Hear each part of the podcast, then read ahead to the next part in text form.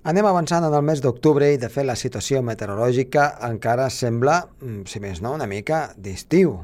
Al migdia, a la tarda, valors de les màximes 23, 24, 25 graus i a l'alta muntanya s'arriben a valors superant els 10, 12 i fins i tot 14 graus.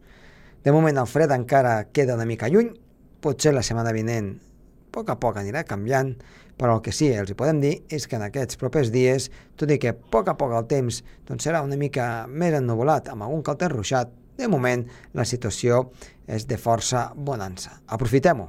Després l'hivern serà força llarg. Comença el torn.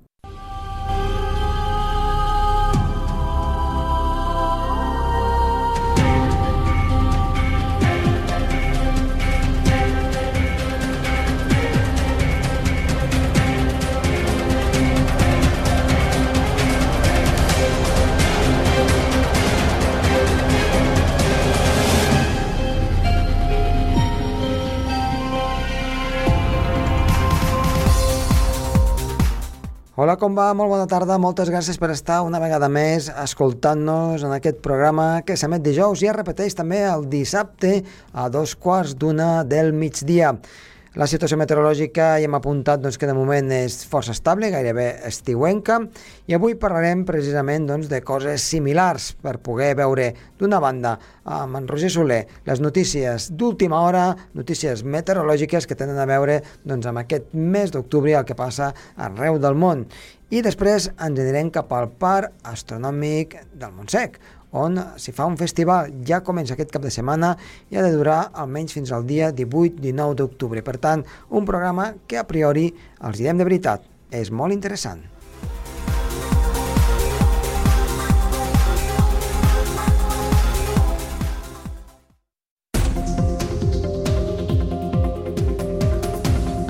En Roger Soler, a l'altre costat del fil telefònic, perquè ens porta les notícies d'actualitat de meteorologia. Roger, molt bona tarda. Bona tarda, Josep, què tal? Molt bé, què ens portes aquesta setmana? Doncs aquesta setmana parlem de dos temes. Per una banda, hem d'abordar la inestabilitat, les inundacions que hi ha hagut al Mediterrani Sud, en aquest cas a Sicília, fortes pluges torrencials. Primer va tocar, la setmana passada va tocar uh -huh. a la regió de Llenguadoc-Rosselló, que ja ho vam explicar aquí en aquest mateix programa. Aquesta setmana s'ha desplaçat la inestabilitat més cap al Mediterrani central uh -huh. i sud, i en aquest cas ha tocat a Sicília. I després parlem una mica perquè els nostres oients eh, es facin una idea o puguin tenir informació de com està aquest, aquest mes d'octubre, que tot just fa pocs dies que hem estrenat. Què et sembla? Bé. Vinga, doncs uh, comencem per Sicília. Comencem per Sicília. Inundacions, pluges torrencials que sobretot han afectat les regions de l'Enna, de Palermo, de Trapani i també de Messina, així com Catània. Pluges que han superat els 100 a 200 litres per metre quadrat amb intensitat, Josep, molt torrencials. Uh, pensa que en una hora poden, han caigut més de 100 litres en algun lloc per metre quadrat. Per tant, moltíssima aigua en molt poc espai temporal i això ha provocat doncs, que el terreny ho pugui absorbir i amb la qual que hi puguin que hi, hi hagin hagut aquestes inundacions, no sé si ho hauran vist uh, per les xarxes socials, però en alguns llocs corrien imatges bastant espectaculars d'aquesta zona de Sicília. Mm -hmm. I uh, la causa de tot això, doncs una zona de baixes pressions del nord d'Àfrica que arrenca des del sud i agafa embranzida i Sicília, al ser una illa molt muntanyosa, es reforça aquesta inestabilitat i encara descarreguen pluges orogràfiques estàtiques que deixen molta aigua al mateix lloc en poca estona i són precipitacions que no es mouen, eh? No viatgen, no es desplacen massa ràpid i per tant són capaces de deixar molta aigua en el mateix punt, en el mateix indret geogràfic i el mateix, i el mateix amb molt poca resolució temporal, com dèiem. S'han produït allà eh, SMC, Sistema Convectiu Mesoescalar. Què és això? Doncs és una estructura convectiva. Convectiva, sempre que parlem de convectiva, perquè els nostres oients segurament ja estan acostumats al vocabulari una mica tècnic, no? La convecció, els fenòmens convectius són uh, les tempestes, per entendre'ns. Doncs un sistema convectiu mesoscalar és un sistema, una estructura sistemàtica de tempestes organitzada que viatja uh, tot, diguéssim, tot en un. Eh? No són tempestes anàrquiques com a vegades es produeixen irregulars o desestructurades, sinó que és un sistema organitzat de tempestes aquestes eh, que fins i tot gira en el sentit ciclònic respecte a un centre de baixes pressions. I això és el que ha passat a la zona de, de Sicília cap en aquesta zona de, del sud d'Itàlia. Ha deixat forta, fortíssima inestabilitat que també ha afectat en alguns punts de Grècia, però en, en menor mesura. La situació sembla que, que s'ha de tranquil·litzar de cara als pròxims dies allà. Molt bé, i com ha de ser aquest mes d'octubre? Doncs sí, una mica més eh, al nostre país, a casa nostra, aquest octubre, um, perquè la gent es faci una idea, que la gent ja ens pregunta, Josep, hem de fer canvi d'armari, no hem de fer canvi d'armari, aquesta setmana està fent més bo que l'agost. Molta sí. gent té la mosca al nas, oi? Una mica, una mica, aquest estiuet que tenim ara mateix aquest estiuet que no hem tingut... Vull dir, jo penso que a l'agost no hi havia tants no. com, com enguany de, sense treva de precipitacions, eh que no? Mm. I amb temperatures força suaus per trobar-nos ja ben entrat al, al mes d'octubre, eh? Sí, Màximes de, de 19 a 23-24 graus cap al sud del país. Sí, és a dir, sí, que, sí. déu-n'hi-do, temperatures ben bé 2, 3, 4 graus per sobre del que tocaria per aquestes dates. Quina és la tendència? Els models estacionals ens marquen que de fredurades eh, aquest octubre no serà fred. Això ho podem pràcticament assegurar. Les temperatures quedaran o en la mitjana, o per sobre la mitjana. No sabem amb certesa què passarà la segona quinzena d'octubre, però la tendència d'aquests pròxims dies és temperatures a la mitjana o superiors, 2-3 graus per sobre de les habituals per l'època, sobretot sobretot les temperatures diurnes. Les temperatures nocturnes sí que es quedaran més o menys fresquetes, fredes, eh, típiques per l'època de l'any, però tampoc sense glaçades. Uh -huh. Per tant, la clàusula principal és que aquest octubre de fredurades importants no en vindran, de calor allò forta, tampoc, però temperatures força suaus, força temperades i sobretot una clàusula important que vindrà marcant el mes serà aquesta amplitud tèrmica, aquesta oscil·lació important en el cicle nocturn-diurn de les temperatures, les nits fresques, sobretot a parròquies altes, i on més es notarà aquest contrast serà precisament a Canillo, en Camp, a Ordino i a la Massana. És on baixaran més els termòmetres de nit i on les temperatures diurnes doncs, podran enfilar-se alguns dies fins i tot per sobre dels 20 graus, és a dir, parlarem de contrastos tèrmics superiors als 15 graus, mhm. temperatures molt abonançades eh, per l'època de l'any. Pel que fa a les precipitacions, doncs ens marquen els, la majoria de models estacionals amb un 60-70% de probabilitats de la NOAA, que és el model eh, de l'agència americana, ens marca que serà un octubre probablement més plujós del que seria habitual però de moment no s'està complint, perquè portem aquests primers dies amb absència de precipitacions i sembla que no vol canviar gaire la cosa. Però sí que ens marquen un octubre plujós, que ho continuem mantenint, perquè evidentment encara queden moltíssims dies mm, i les mitjanes ah, no, es poden equilibrar, no? Sí, sí. Uh, si la segona quinzena d'octubre plou moltíssim i ara pràcticament no ha plogut, doncs quedarà un octubre, això, humit o bastant plujós, depèn, de, depèn del que plogui. Però els models estacionals a priori ens marquen que aquí al Pirineu i aquí al Principat d'Andorra podria ser un octubre bastant, bastant plujós que pel que sembla, si això, si això s'acaba complint i s'acaba fent realitat, la pluja la concentrarem més del 15 cap a finals, oi? Sí, sí. a mi cau en dos dies, eh? Vull dir que tot, tot serà d'anar-ho seguint doncs, a fil per randa. Exacte. Per tant, podem intuir que no serà un octubre d'aquells borrascosos no. de dies molt ennubulats i d'una setmana sencera plujosa, sinó la pluja uh mhm. -huh que pugui caure, que pot ser forta i que pot ser perseverant, caurà doncs, doncs en pocs dies, en dies concrets. Queda clar, Roger. Eh, moltes gràcies i t'esperem la setmana vinent. Molt bé, que vagi bé. Adeu. Adéu, adéu. El torn amb Josep Tomàs.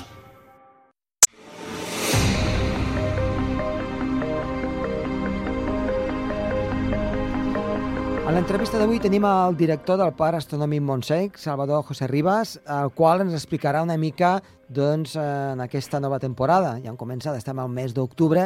Què ens espera, què és el que tenim si volem visitar aquesta bonica zona del Montsec? Salvador, molt bona tarda i gràcies per estar una vegada més amb nosaltres. Hola, bona tarda. Doncs, Salvador, el que voldríem saber una mica és, doncs, ja han començat molts col·legis, eh, la gent doncs, ha agafat la dinàmica del dia a dia, de la rutina.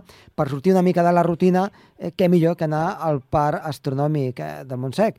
I hem llegit, ens han arribat eh, correus electrònics, també amb la vostra pàgina, doncs anem seguint que feu un, un festival al llarg d'aquest mes d'octubre. Expliqueu-nos una mica doncs, de, de què anirà.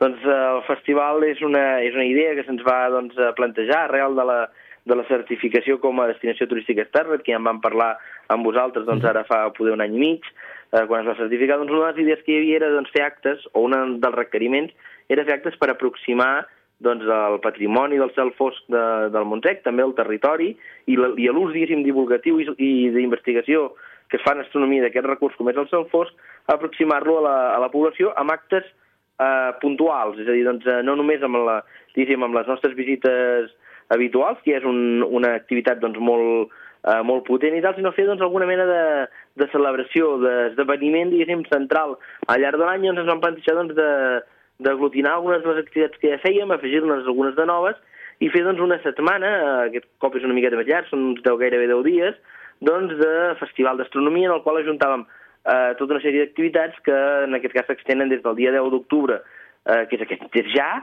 mm -hmm. fins al el dia 19 d'octubre, que és l'altre diumenge, doncs, eh, doncs, que en el qual es, eh, es clourà aquest, aquest festival. No? Llavors, per exemple, aquest primer cap de setmana, 10, 11 i 12 d'octubre, doncs, eh, realitzem un curs d'astronomia aquí al, aquí al centre d'observació i a partir del dia 16 doncs el que organitzem són tot unes visites una mica especials. Aquí al centre les visites, en certa manera, sempre són bastant particulars, perquè mhm. saps doncs, que observem doncs, el sol de dia, fem l'observació de, de nit d'allò que hi hagi més destacat i fem doncs, la estació de planetari, però en aquest cas doncs, les visites del cap de setmana del 16 del cap de setmana del 17 al 19, el 16 hi ha l'acte inaugural, del 17 al 19 les visites, doncs són molt especials perquè en lloc de ser unes visites estàndard de nit, per exemple, doncs fem concert, fem el dissabte a fem un concert de música sota les estrelles, que és una cosa que anem fent eh, cada any, però aquest cop doncs, cau un concert molt important de, amb un quartet de jazz doncs, en, el, en el mig del, del festival, i també farem teatre. Les sessions de nit del divendres, per exemple, i les de, de vespre, les de quarts de vuit del dissabte, eh, per primera vegada en el centre d'observació farem una sessió teatral, és a dir, el planetari doncs, eh, en lloc de fer de planetari, en lloc d'acollir concerts com ja hem fet altres vegades, acollirà una obra de teatre molt especial. És una adaptació de la vida de Galileu que va escriure Bertolt Brecht. És una obra teatral, per tant, doncs, que es versa sobre la vida i els problemes que va tenir eh, Galileu Galilei doncs, amb, la, amb la Inquisició per plantejar-se una cosa que ara per tothom és òbvia, que la Terra no està al centre de tot, sinó que la Terra es belluga, no? Aquello de l'Epur si uh -huh. doncs, eh, doncs, doncs, en certa manera, doncs, eh, farem aquesta, farà aquesta representació teatral a càrrec d'una companyia Teatral de Lleida, el tant de teatre, el divendres dia 17 a dos quarts de 10 i el dissabte dia 18 a dos quarts de 8. És a dir, ho fem dos, dos vegades en estrena, diguéssim, aquesta producció doncs, que hem preparat nosaltres, l'Institut d'Estudis Ilardencs, per estrenar-se aquí amb motiu del festival. És a dir, que hem afegit, diguéssim, coses que no hem fet mai, però també doncs, eh, hem de pensar que això doncs, potser és més per públic adult, però tenim visites per nanos el dissabte i el diumenge al matí, el dissabte a la tarda tenim en Dani Jiménez, de Televisió de Catalunya, Home. fent experiments aquí al centre, mm. amb la qual cosa hem ajuntat moltes coses que ens feia il·lusió de tenir, també conferències amb investigadors d'universitats catalanes, hem ajuntat una mica tot allò que ens agrada tenir doncs, al centre, o que a vegades podíem tenir doncs, al llarg de l'any, hem volgut fer-ho doncs, d'una doncs, manera molt, molt potent, amb un cap de, amb un cap de setmana doncs, així doncs amb molta força. No? Mm -hmm. I, i eh, a les entrades les hem d'adquirir, doncs, eh, hem de fer reserva? Com, com ho hem de fer? Per la, pel que fa doncs, el, el tema, o sigui, l'acte inaugural que es fa el dia 16 d'octubre a Balaguer, a, a la seu central diguéssim, de les oficines del Consell Comarcal, aquest és lliure i es pot accedir, és a les 8 del vespre, no hi ha, eh, és gratuït i no hi ha necessitat de reservar, i per les visites, diguéssim, tant les de, el teatre, com la música, com les visites per nanos que fem durant els matins i les nits del 18, 17, 18, 19 d'octubre, aquestes sí que es poden adquirir a través de la pàgina web del parcastronòmic.cat i el dia 18 a la tarda, això que us comentava de les conferències i la sessió d'experiments amb, en, amb en Dani Jiménez, això és lliure i gratuït i doncs, per tant doncs, es pot venir, eh, el dissabte a tarda es pot venir directament doncs, a, a passar la tarda amb nosaltres sense treure entrada, però per les activitats matinals i les nocturnes aquí doncs, sí que doncs, de treure entrada i recomanem fer-ho per la web de, del nostre parc, que és parcastronòmic.cat, perquè així doncs ja tenir l'entrada a la mata evita riscos de venir fins aquí i trobar-te que no n'hi hagi, perquè hi ha algunes sessions que ja a poc a poc van anant-se omplint perquè evidentment doncs, eh,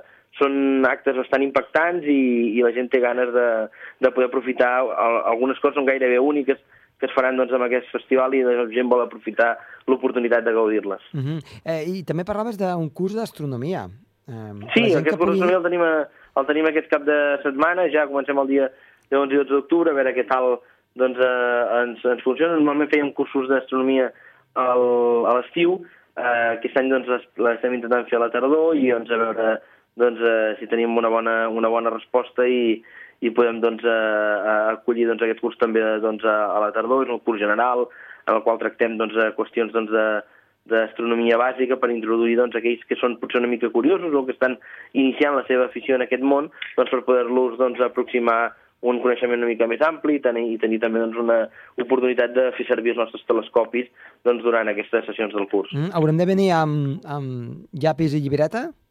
Mm, Bé, doncs el, nosaltres sempre diem doncs, que, que moltes vegades doncs, amb l'astronomia doncs, eh, ja entra força pels ulls, però evidentment doncs, no és mala idea doncs, eh, prendre nota del, de, del que farem en el curs i, i segurament doncs, eh, eh, sempre s'aprenen coses i a vegades val la pena apuntar-les. Però avui en dia també les pots apuntar amb l'iPad, al mòbil i amb qualsevol, Clar. qualsevol altra cosa. O sigui, però sí que és interessant eh, venir preparat doncs, a, la, a les sessions del curs, encara doncs, eh, doncs el, queden alguna plaça doncs, eh, d'última hora doncs, eh, i doncs, doncs, eh, encara doncs, pot fer la inscripció, doncs, el preu és raonablement econòmic, costa 50 euros perquè està fortament subvencionat per la, pel suport que ens ha fet la Diputació de Lleida amb el, amb l'organització del festival doncs hem pogut doncs, que els preus siguin, de tots siguin molt, molt, molt raonables. Mm -hmm. I això eh, són aquests tres dies, no? 10, 11 i 12 d'octubre. Aquest, exacte, aquest primer, aquest primer cap de setmana del festival uh -huh. és el del curs i el segon és el del teatre, la música, eh, les visites especials, etc etc. Mm -hmm. eh, també um, l'edat de- per a aquest curs d'astronomia és totes les edats o ja has de Sí, tenir... en principi sí, no, no, no posem una edat mínima, tot i que eh, segurament doncs, és raonable doncs, eh, agafar doncs, públic adult i nanos a partir de, de 12, 14 anys doncs, que poden gaudir del curs amb, amb normalitat. Clar, hi ha eh, gent una mica jove, no nens petits, que si no potser eh, s'acabarien només avorrint, no? Tampoc no ho podrien, no ho podrien aprofitar, és un curs Clar. en part pràctica, però també en part teòrica, i llavors, doncs, evidentment, això doncs, eh, eh, pot limitar una mica, però en canvi pels nanos doncs, el que és perfecte són la, el, les visites del matí del dia 18 i del dia 19, que hi ha visites per nens, o a la tarda aquesta lúdica que tenim preparada també el dia 18 d'octubre, l'altre cap de setmana. Uh -huh. eh, les sessions de dia eh, estan molt pensades per, per nanos i per públic amb, eh, amb nens que puguin doncs, gaudir-ne tots plegats. No? Està, aquell cap de setmana les sessions de matí eh, bàsicament són, són molt parells, diguem. Um, un cop passat el festival, um, ens queda doncs, encara un, un, una mica del mes d'octubre, tot novembre, eh, tot el desembre, fins a Nadal, Cap d'Any. Quines activitats teniu preparades? Nosaltres, doncs, com ja hem comentat alguns cops i ens coneixes ja bé de, de, de, de quan hem estat doncs, en contacte, Sí. doncs el, el nostre centre està obert sempre fins al mes de, eh, de gener, campanya de Reis, o sigui, quan, quan es para doncs, per Reis, quan nosaltres farem allò, és la parada invernal, i des d'aquí fins a llavors doncs, encara el, el cicle Música sota les estrelles, que té un concert dintre del festival, en tindrà encara eh, dos més a continuació, un al mes de novembre amb música, amb música barroca, amb un, amb instrument barroc, amb una tiorba, doncs, eh, que farà doncs, eh, vibrar doncs, el, el planetari i que serà doncs, també una de les peces importants doncs, de la temporada, que serà el dia 22. I després, doncs, el mes de desembre, tenim també eh, l'últim concert de la Música sota les Estrelles, que aquest any, com que som una miqueta valents, doncs el que anem a fer és eh, posar doncs, eh, música electrònica, posar una barreja de funky de, eh, en el planetari, doncs, que serà una novetat. Sempre hem fet jazz, clàssica, Sí. l'any passat vam incorporar cantautors, aquest any doncs, també afegim doncs, eh, eh, un perfil de música més electrònica eh, per clausurar doncs, el cicle Música dels Ocells, que això serà el 6 de desembre, és a dir, que encara, passat el festival, en queden, encara queden dos concerts, a més a més, i totes les visites que, que estem fent doncs, eh, cada cap de setmana de dia i de nit doncs, eh, amb, els, amb els nostres visitants. Mm, de fet, eh, si mires una mica les estrelles, mm, doncs està molt relacionat el que és el, el, el cicle dels estels, eh, les seves palpitacions amb el que és la música, no? Una mica, no sé si és aquesta la relació que vosaltres li, li voleu donar. Nosaltres vam buscar de seguida eh, el fet de, primer tot, el títol de posar-lo sota, posar sota les estrelles, eh, doncs podia pensar, perquè nosaltres podem jugar amb el fet de que estem dintre del planetari, per tant tenim les estrelles de mentida, les estrelles del simulador del planetari, les estrelles virtuals, però també ens podem acabar doncs, amb les estrelles del cel real. Ja saps que el nostre planetari s'obre la cúpula i doncs, per tant ens deixa el cel real al descobert i tenim l'oportunitat d'acabar els concerts sota les estrelles de veritat si el temps ho, ho permet. Però sobretot el que ens, el que ens va portar a, a dur a terme no és una experiència única, se'n fan a altres llocs doncs, de, del món. Per exemple, doncs, el Planetari de Madrid ja fa molts anys que va fer també doncs, aquesta iniciativa de concerts al planetari, era combinar la música, el ritme de la música ens pot combinar amb els moviments que nosaltres podem fer amb el planetari, amb el viatge que podem fer pel sistema solar, per exemple, o fins als límits de l'univers pot veure's acompassat. Hem tingut una vegada, vam fer eh, ballar un tango a Saturn, eh, moure Saturn doncs, a la cúpula al ritme d'un tango que estava interpretant una, una, una de les formacions que vam tenir, és a dir, que això ens ho permet al, al planetari fer un vídeo en directe i es converteix, us podem dir, un instrument més que acompanya eh, els músics que tenim en, en directe a la sala i jo crec que és un espectacle complet i que la, a la gent li agrada molt. Fa cinc anys que, que ho anem fent i la majoria de concerts han exaurit sempre les entrades, fins i tot en època a vegades molt hivernal, doncs eh, es té un percentatge molt alt de, de venda d'entrades perquè és un espectacle que agrada molt i que doncs, eh, és, un, és diferent al que nosaltres doncs, podem fer un cap de setmana qualsevol, eh, ja que doncs, tenim això, músics en directe, músics de, de renom i que els tenim doncs, a, a, a tocar en una, en una sala petita, amb 60 places, eh, ho fem dues vegades cada, cada dissabte que, que hi ha concert fem dos passis, però són això, no sé, és com estar en un petit, en una cava de jazz, no?, pràcticament, en la qual cosa doncs, dona la, la sensació doncs, de ser un concert molt íntim, però alhora doncs, molt, molt global amb aquesta visió de l'univers. Mm -hmm. sortint ja una miqueta del tema, eh, no sé si heu tingut constància d'aquests darrers eh, meteors que han caigut doncs, a, a zones properes també al Montsec, a zones properes doncs, a, a l'àrea de Lleida, si finalment s'ha acabat trobant el, la petita pedra que va poder caure ara fa doncs, unes setmanes o encara no es té constància de que s'hagi trobat? Encara no hi ha... No, almenys nosaltres no tenim constància de que s'hagi recuperat la peça.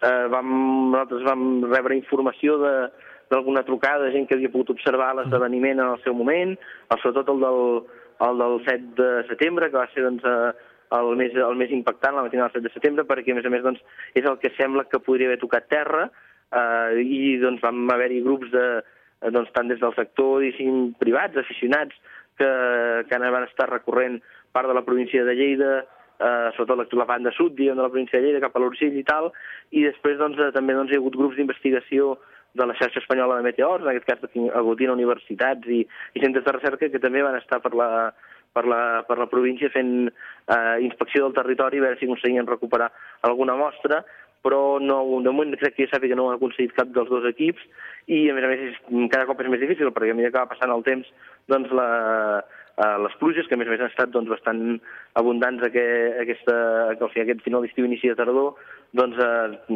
remouen també la superfície, eh, els camps doncs, eh, es recullen, el, el panís doncs, s'està sí. recollint, el, es llauren els, els camps de, de cereals per l'any que ve, per tant, doncs, les coses doncs, cada dia que passa és més difícil, i com que és molt difícil afinar quin lloc exacte cau, doncs s'ha de buscar una zona ampla i, i no pots, eh, no pots demanar que ningú no toqui res durant mesos per, per poder-ho fer, i doncs s'ha de seguir, doncs, eh, estan seguint encara analitzant dades per poder veure si poden recuperar eh, més precisió a l'hora de, de veure on podria haver caigut alguna mostra per poder-lo recuperar. És molt important perquè així tanques el cercle des de com ha arribat, com ha entrat, com ha fet la lluminositat, que és el que han gravat la, les càmeres. Uh -huh. En aquest cas doncs, també doncs, es detecta fins i tot doncs, l'efecte que fa la ona de xoc doncs en els sismògrafs, en els detectors de terrèmols detecten la ona de xoc d'aquests bolis grans i finalment doncs, si recuperen la, la peça a terra doncs, eh, es pot tancar completament el cicle i és un dels temes doncs, eh, que aquest final d'estiu, inici de tardor ha estat molt, molt, molt, molt uh,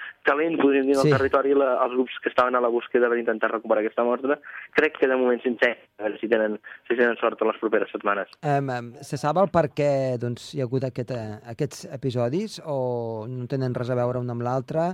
Quina... De fet, hi havia, el, uh, hi havia doncs, una certa sospita no confirmada encara de que just uh, aquesta entrada d'aquests dos bòlids que es van produir pràcticament en una setmana de diferència eh, es van doncs, eh, eh, ser molt a prop d'unes dates en les quals havíem tingut un asteroide que havia passat molt proper a la Terra. Uh -huh. I llavors doncs, s'ha especulat al respecte, però no està eh, confirmat fins que no tinguin les trajectòries precises d'aquests bòlids, saber si podien tenir a veure eh, amb l'aproximament la, d'un asteroide que va passar a prop de la Terra, que hi hagués perill de col·lisió, però clar, hem de pensar que, el, que doncs, igual al passar a prop de la Terra doncs, va, va doncs, potser, diguéssim, eh, eh, aportar més partícules al seu mm. voltant o el que sigui. Mm. Això encara és, és ara mateix encara és, és hipòtesis que jo sàpiga no confirmada, eh, perquè hi ha hagut altres vegades de que amb aproximacions d'asteroides durant la consciència que hi ha hagut la caiguda d'algun bòlit, i doncs, això sempre doncs, eh, dona, dona de què fa i cal veure doncs, eh, quan acabin d'analitzar les òrbites i les trajectòries, a veure si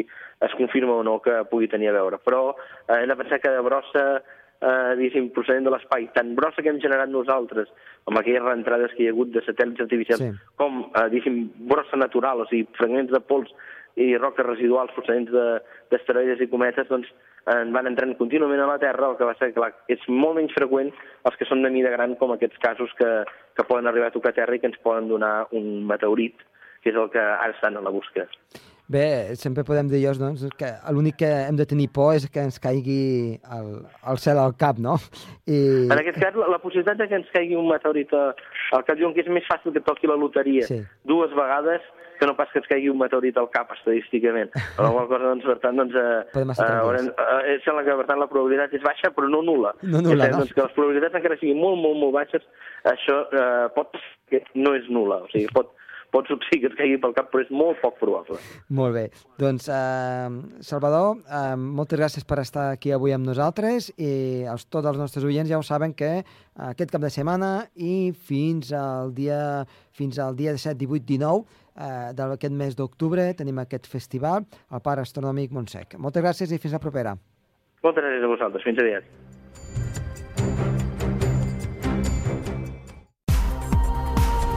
El Torn, amb Josep Tomàs.